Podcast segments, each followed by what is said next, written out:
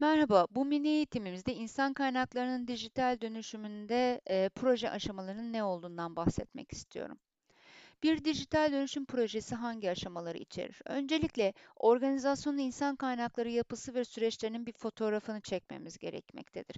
Yani mevcut durum nedir, elimizde ne var, neleri yapabiliyoruz, bu resmi çekmemiz lazım ki hangi aşamalarda ne tür bir değişime ihtiyacımız olacak bunu bilelim.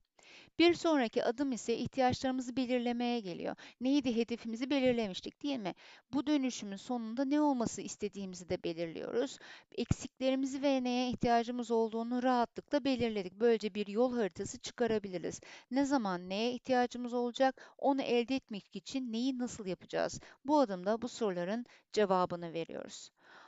Bu aşamadan sonra e, önceliklerimizi belirliyoruz. En önce hangi insan kaynakları süreçlerimizi dijitalleştirmemiz lazım?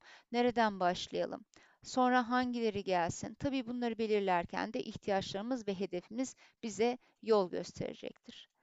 Dördüncü adımda süreçlerimizin tasarımına odaklanmamız gerekecek. Ne demek süreç tasarımı? Mesela işlerimizi manuel yürütürken işe alımda adayların bize internet üzerinden başvurusu yoktu diyelim. Şimdi dijitalleşme sürecinde biz adayların bize internet üzerinden de başvurmasını istiyoruz. Yani kendi CV havuzumuz olsun istiyoruz. Daha önce var olmayan bir süreç ekleyeceğiz ya da iyileştireceğiz. Belirli süreçleri yeniden tasarlayacağız. Hatta dijitalleşmeyle beraber gereksiz olacak süreçlerimiz olacaktır. Onları iptal edeceğiz. Bu şekilde dijitalleştirmek istediğimiz tüm süreçlerimizin üzerinde düşünmemiz gerekir. Bu süreçler kolay değildir. İş yapış biçimleri değişecek, beklentilere uygun yeni iş yapışları biçimleri gelecek. Ee, bu konuda özellikle insan kaynaklarının içinde ilgili süreçleri iyi bilen kişilerin olması çok önemli. Bir performans değerlendirme yapılacaksa o değerlendirmedeki değişiklikler e, literatürde ne yapılıyor, şirketin kültürün ne kadarını kaldırabilir, yasal süreçler nedir, neyi ne kadar değiştirirsek çalışanların desteğini alırız gibi konuyu her yönüyle düşünmemiz gerekir. Hatta her yönüyle derken tüm insan kaynakları süreçleriyle.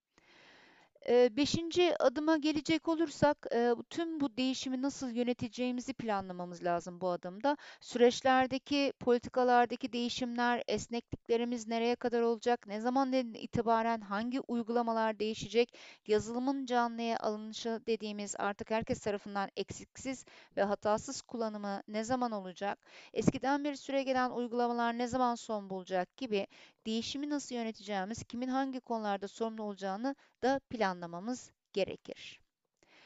E, dijitalleşmiş olan süreçlerimizi uygulamaya almadan önce bir test etmemiz ve çıkan sorunları düzeltmemiz gerekir. Bu adımda pilot bölge uygulaması dediğimiz adımları gerçekleştirebiliriz. Pilot bir bölge seçip önce o bölgede hangi sistem canlıya alınmışsa herkes hani kullanıyormuş gibi o sistemi işletir. Bu da organizasyonun küçük bir işletmesinde ya da bir biriminde yapılır. Buradan kullanıcılardan alınan bilgilerle, geri bildirimlerle e, sistemde iyileştirmeler yapılır. Böylece Böylece tüm organizasyon sistemi kullanırken bu tür büyük aksaklıkların yaşanması da engellenmiş olunur. Yedinci aşamamız pilot bölgede görülen aksaklıkların çözüldükten sonra e, gelen aşaması. Hani sistem tüm organizasyonun e, kullanacağı hale gelmiştir artık.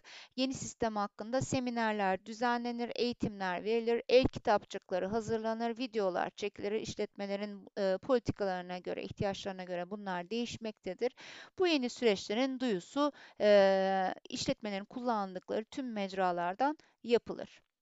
Son adımda da tüm organizasyonu verilen tarih ve saatte yeni uygulamaya geçirmektir. Tabii süreç hiçbir zaman burada bitmez. Uygulama e, çalışanlardan gelen geri bildirimlerle de sürekli iyileştirilir. Aslına bakarsanız bir dijital dönüşüm projesi başı sonu olan bir düz çizgi halinde pek olmaz. Sürekli iyileştirmelerin olduğu bir döngü halindedir.